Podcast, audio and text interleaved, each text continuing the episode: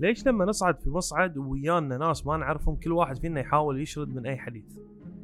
اللي طالع تلفونه اللي طالع فوق اللي يلعب اظافره أهم شيء ينتظر المصعد يوصل وينزل بدون ما يتكلم.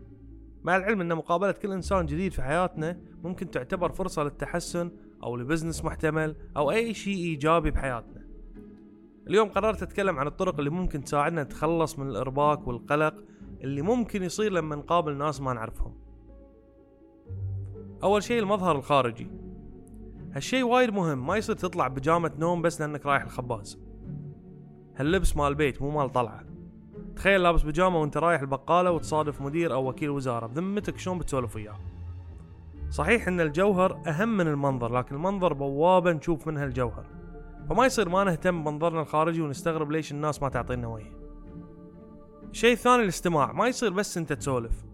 لازم لما تتكلم مع شخص ما تعرفه تتكلم وتسمع له. عشان لا بداخله يقول ولا شد على اللي مو راضي يسكت. الشيء الثالث انتقي حديثك. ما يصير واحد ما تعرفه تتكلم وياه عن أمور خاصة. مو لأنك مرتبك ومو عارف شنو تفتح موضوع فتقوم تختار أسئلة المفروض ما تسألها. مو كل الناس تتقبل أحد يتدخل بحياتهم. ما يصير واحد ما اعرف أسئلة أنت متزوج أو لا أو عندك عيال أو لا أو أسأل عن عمر أحد خصوصا إذا كانت مرة. الشيء الأخير لا تنكت.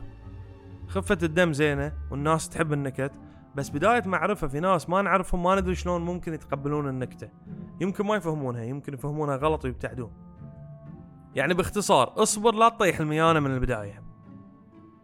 اللي ابى أوصل له المهم إنك تتعرف على الناس لأن ما تدري كل إنسان شنو ممكن يضيف في حياتك.